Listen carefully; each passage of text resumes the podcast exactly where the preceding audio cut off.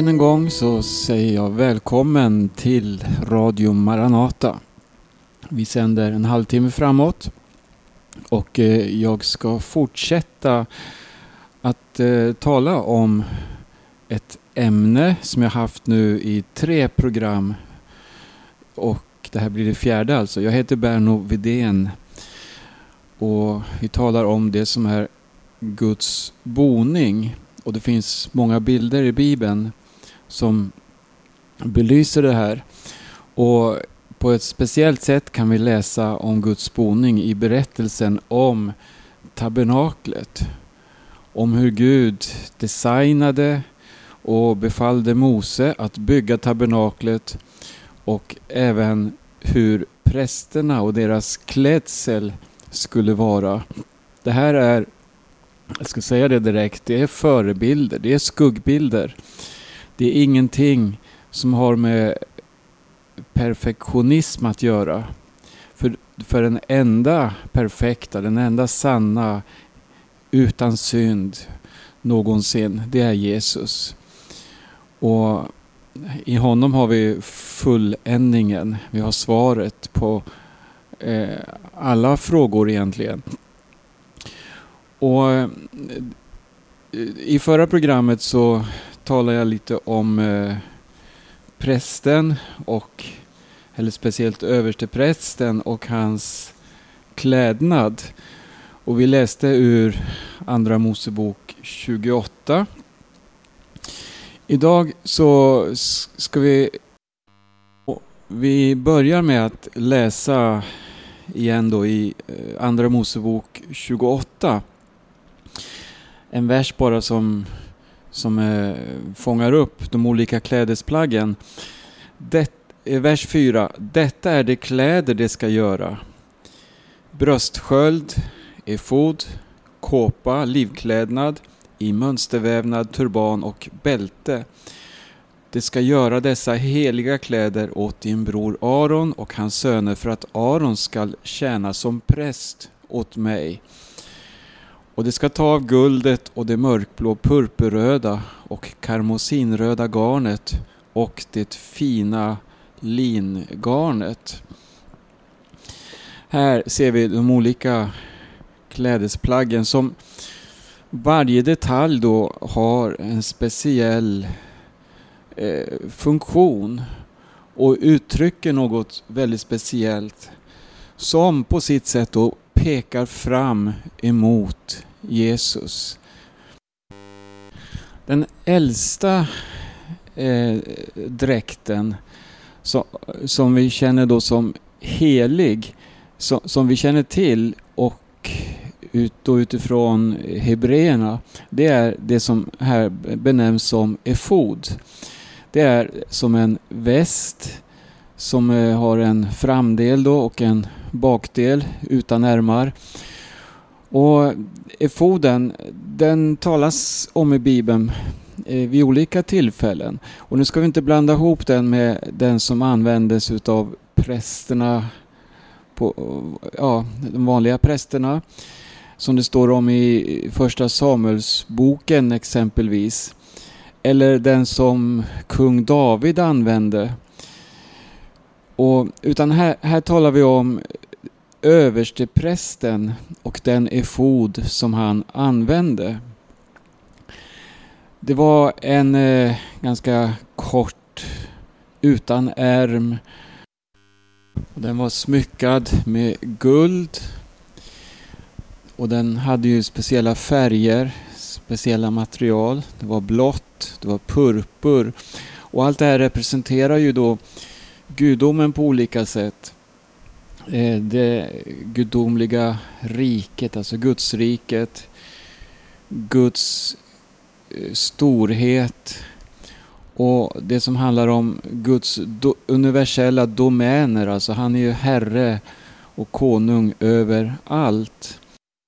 Det står också eh, om det karmosinröda garnet och det fina lingarnet. Och allt det här var sammanvävt då i den här efoden. Och eh, sen om, om vi tittar lite på eh, hur, hur, hur det var sammansatt på just själva skuldran med ett band. Och på skuldrorna, på båda skuldrorna, så fanns det en sten. Och på den här stenen så, så var namnet på Israels tolv stammar inristat. Och symboliskt då så, så bar alltså översteprästen den här bördan av nationen på sina axlar. När han eh, närmade sig Gud i sin prästtjänst, i allt vad han gjorde, han bar med sig den här bördan och han bar det inför Gud. Nu ska jag läsa i eh, Andra Mosebok då, 28 och vi läser från vers 6 till och med 14. Efoden ska göras i konstvävnad av guld och av mörkblått, purpurrött och karmosinrött garn och tvinnat fint lingarn. Den skall ha två axelstycken som ska fästas ihop med varandra.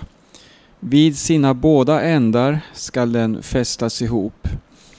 Skärpet som skall sitta på efoden skall göras i samma vävnad och i ett stycke med den av guld och av mörkblått, purpurrött och karmosinrött garn och tvinnat fint lingarn. Du ska sedan ta två onyxstenar och på dem gravera in namnen på Israels söner. Sex av namnen på den ena stenen och de sex övrigas namn på den andra i födelseordning. Som när en juvelerare graverar sigill skall du rista in namnen på Israels söner på de båda stenarna och infatta dem i ett flätverk av guld. Du skall sätta de båda stenarna på efodens axelstycken, stenar till påminnelse för Israels barn. Aron skall bära deras namn på sina axlar inför Herrens ansikte till en påminnelse. Och du ska göra flätverk av guld och två kedjor av rent guld. Du skall tvinna dem som snoddar och fästa de snodda kedjorna vid flätverken. Vi läser här alltså om den dräkt som enbart översteprästen använde. Han som representerar Jesus för oss. Och efoden, skärpet, bröstskölden eh, uttrycker ju, eller ger ett vittnesbörd om gudomlighet. Alltså Gud själv. Och det talar också om mänsklighet. Och här har vi då Människosonen, det som handlar om Jesus. Och så vittnar det om Jesu tjänst, hans ministerium på jorden bland människor. Det var som en, eh, eh, en yttre klädnad. Det, den, det ser ut som att den är i två delar. Som är dels en framdel och en bakdel. Men den är förenad vid axlarna. Och det, det, något som är intressant det är om man tänker på de här färgerna, vad de representerar. Vi har blå, vi har purpur, karmesin och, och så vidare. Så har vi linnet och vi ser hur allting är sammanflätat med, som ett fint konstverk. Eh, linnet, det talar ju om mänskligheten. Och så har vi guldet, det talar om konungslighet. Alltså, mm, vi ser människosonen och vi ser konungen. Och allt det här eh, är sammanflätat. Och på, på ett väldigt starkt sätt tycker jag så, så ger det här oss en bild av sann Gud och sann människa. Och tänk på att Gud blev människa. Det står i Johannes evangeliums första kapitel. Ordet blev kött. Och det står tidigare då att ordet var hos Gud, ordet var Gud. Och genom det har allt blivit till. Och här har vi ju eh, också ord om Jesus som är eh, medskaparen kan vi säga. Men han blev människa. Och just det här att han slutade aldrig att vara Gud. Även om Gud blev människa, han gjordes till människa, så fortsatte han att vara Gud. Och även den perfekta människan som aldrig någonsin eh, syndade. Han levde ett syndfritt liv, ren, rakt igenom, som den första människan på den här jorden. Eh, nu måste vi läsa i Hebreerbrevet. Där finns det väldigt mycket som sammanflätas med just det som har med prästen att göra och här då klädnaden.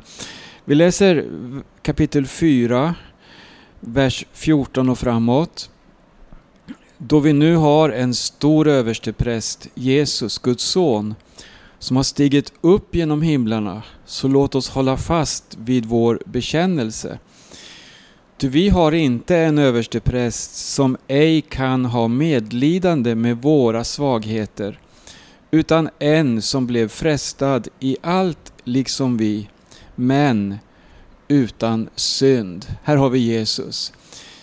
Sann Gud, sann människa. Han som öppnade vägen för oss till himlen, till livet själv. Och eh, sen finns det ju eh, teologer som, som menar att, att Jesus, han var människa här på jorden men han var inte Gud. Och att, att separera då gudomligheten från mänskligheten, det är som att ta tag i den här efoden. Ta tag i den och riv sönder den i två delar. Ett framstycke, ett bakstycke. Men allting blir ju förfelat. Det blir trasigt. Det blir inte komplett. Nej, Gud är verkligen mm, eh, sann Gud och sann människa. Och allt detta i Jesus Kristus.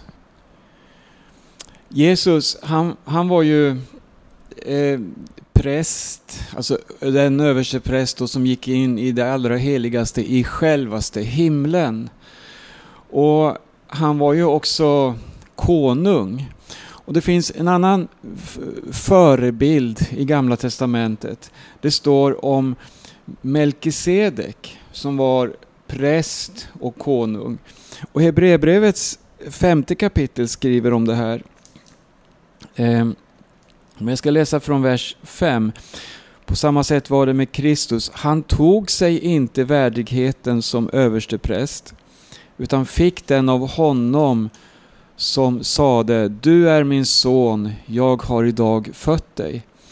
Han säger också på ett annat ställe du är präst för evigt på samma sätt som Melkisedek. Eh, psalm 110 uttrycker det så här i vers 4. Herren har svurit och skall inte ångra sig. Du är en präst för evigt på samma sätt som Melkisedek. Och när vi läser om Melkisedek så, så ser vi det att det finns inget släktregister över honom, hans prästämbete. Det har ingen början och inget slut. Han var en gudspräst i Salem, alltså Jerusalem, långt innan nationen Israel och det levitiska prästämbetet eh, inleddes. Ehm, och när vi då läser om Jesus som överstepräst så var han står han alltså över det levitiska ämbetet och han står över det som, den ordning vi läser om då i Gamla Testamentet. Han är präst för evigt, utan början och utan slut. Och Varför är det här så viktigt? Ja, klart, om vi tänker då på det levitiska prästämbetet. Om eh, de genom sin tjänst hade kunnat befria människan från synden, ja då hade ju inte Jesus behövt vara präst. Då hade ju inte han behövt eh, bli människa och ge sitt liv som han gjorde. Nej, allt det här är skuggbilder med sina defekter. Med eh, präster som är syndare, som först när de går in, innan de går in i det allra heligaste och när de går in så bär de fram offer, tar med sig blod, först för sin egen synd och sedan för folkets synder. Tänk också på det att Jesus, han var inte av Levistam, alltså den prästfamiljen, utan han var av Judastam. Konungasläkten som vi kan läsa om, där kung David också fanns med. Ehm, vi, vi, ska fortsätta läsa och jag vill, jag vill läsa ett stycke här nu i Hebreerbrevet som är ganska långt. Och eh, ordet talar ju för sig själv och det handlar just om Melkisedek och hans prästämbete. Vi läser kapitel 7 i Hebreerbrevet från första versen. Denne Melkisedek, han var konung i Salem och präst åt Gud den högste. Det var han som mötte Abraham när denne kom tillbaka efter segern över kungarna och Melkisedek välsignade honom. Eh, parentes, det här kan du läsa om i Första Mosebok 14. Vi fortsätter läsa. Och Abraham gav honom tionde av allt. Melkisedek betyder för det första rättfärdighetens konung, vidare Salems konung, det vill säga fridens konung. Han står där utan far, utan mor och utan släktregister. Hans dagar har ingen början och hans liv har inget slut. Han är lik Guds son och förblir präst för evigt. Se hur stor han är. Det var åt honom som Abraham, vår stamfader, gav tionde av sitt bästa byte. De av Levis söner som blir präster skall enligt lagen uppbära tionde av folket, alltså av sina bröder, fastän de härstammar från Abraham. Men Melkisedek, som inte var av deras släkt, uppbar tionde av Abraham och välsignade honom som ägde löftena. Ingen kan förneka att det är den som är ringare som välsignas av den som är för mer. I det ena fallet tar dödliga människor emot tionde, men i det andra fallet är det en som får vittnesbördet att han lever. Ja, genom Abraham har på ett sätt också Levi som får tionde själv gett tionde. Ty som ofödd fanns han till i sin stamfaders kropp när Melkisedek mötte denne. Vi läser vidare och vi är framme vid vers 11.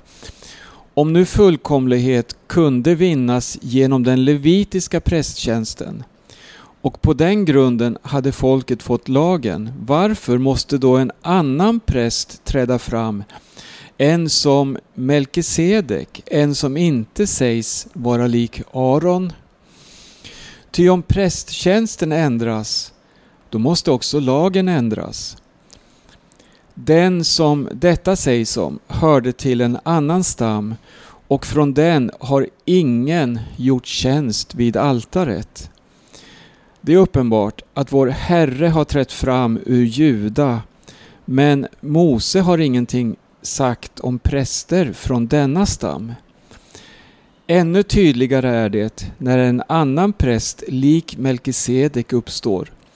Han har inte blivit präst genom en lag som föreskriver jordisk härstamning utan i kraft av ett oförstörbart liv. Han får nämligen det vittnesbördet.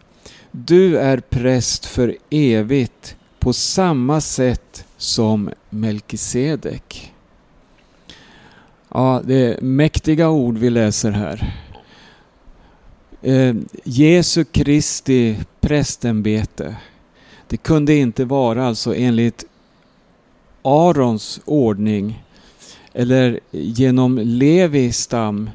Utan här ser vi att han blev präst enligt Judas stam, alltså den konungsliga stammen. Och därigenom, eh, som vi läser här då, efter Melkisedeks ordning. Han som var fridens konung.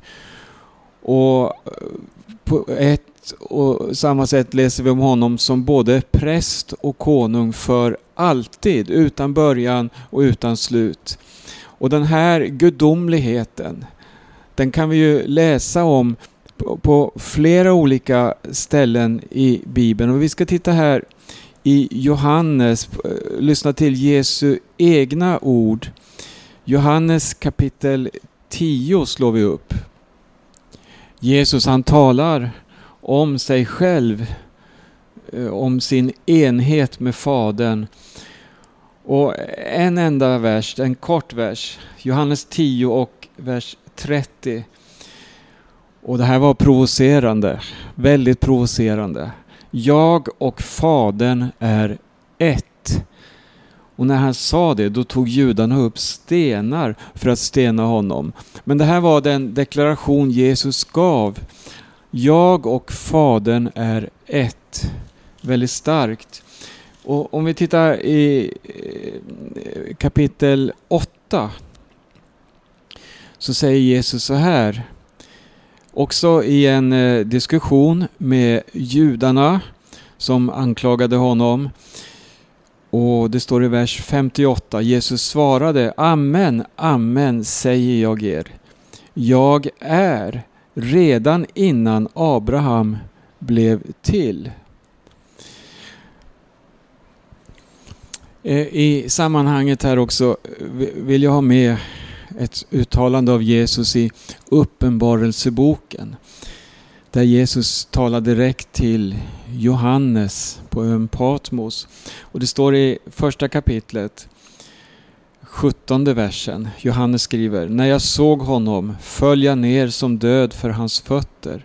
Och han lade sin högra hand på mig och sade, Var inte förskräckt.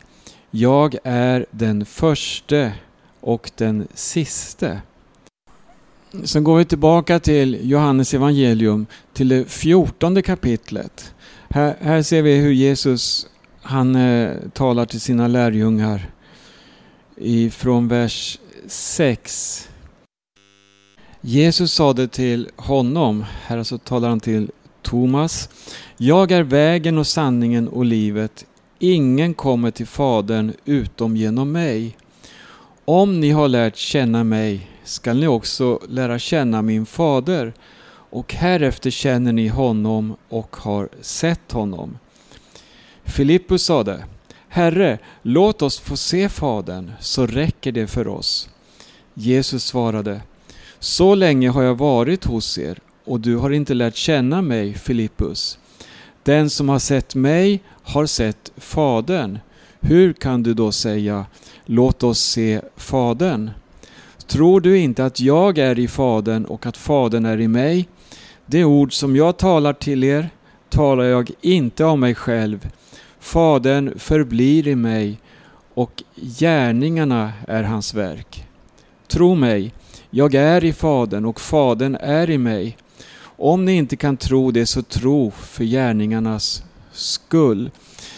Ja, vi lyssnar till Jesus här genom ordet som vi har.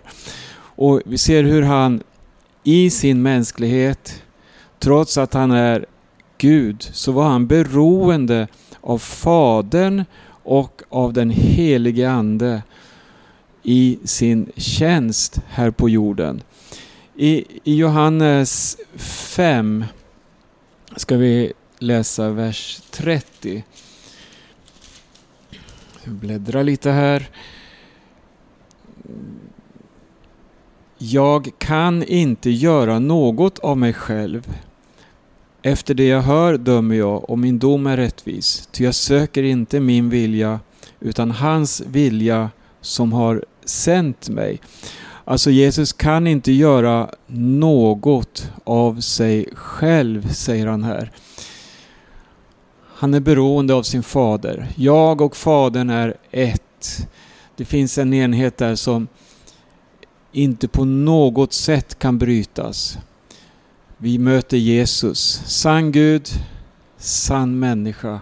Och denne Jesus eh, är det som vi, vi, vi kan se då i den här beskrivningen av efoden. Eh, vi ska stanna där. Vi kommer att fortsätta längre fram med ytterligare detaljer och så småningom kommer vi att komma fram till själva tabernaklet, själva byggnaden. Och vi avslutar programmet för den här gången. Jag önskar dig som lyssnar Guds välsignelse. Och fortsätt gärna att läsa själv i Guds ord om de här sanningarna som finns, de här förebilderna. Till sist en påminnelse. Just, just att det här är förebilder och skuggbilder. Det, det är väldigt viktigt att komma ihåg. Så att vi inte fastnar i traditioner eller olika eh, religiösa mönster. Utan kom ihåg en sak. När Jesus bar din synd på Golgata och precis innan han dog så utropade han det är fullbordat. Alltså frälsningsverket var fullbordat. Och då Jesus ropade dessa ord och gav upp andan. Då hände något oerhört i Jerusalem. Templet, denna st stora byggnad man hade eh, hållit på med i 46 år och förlåten som hängde framför det allra heligaste. Dit där överste prästen skulle gå in med sin speciella klädnad som vi har läst om. För att frambära offer för människans synd. Du, förlåten som skilde människan från Gud. Den brast uppifrån och ner. Det här var ett stort ögonblick.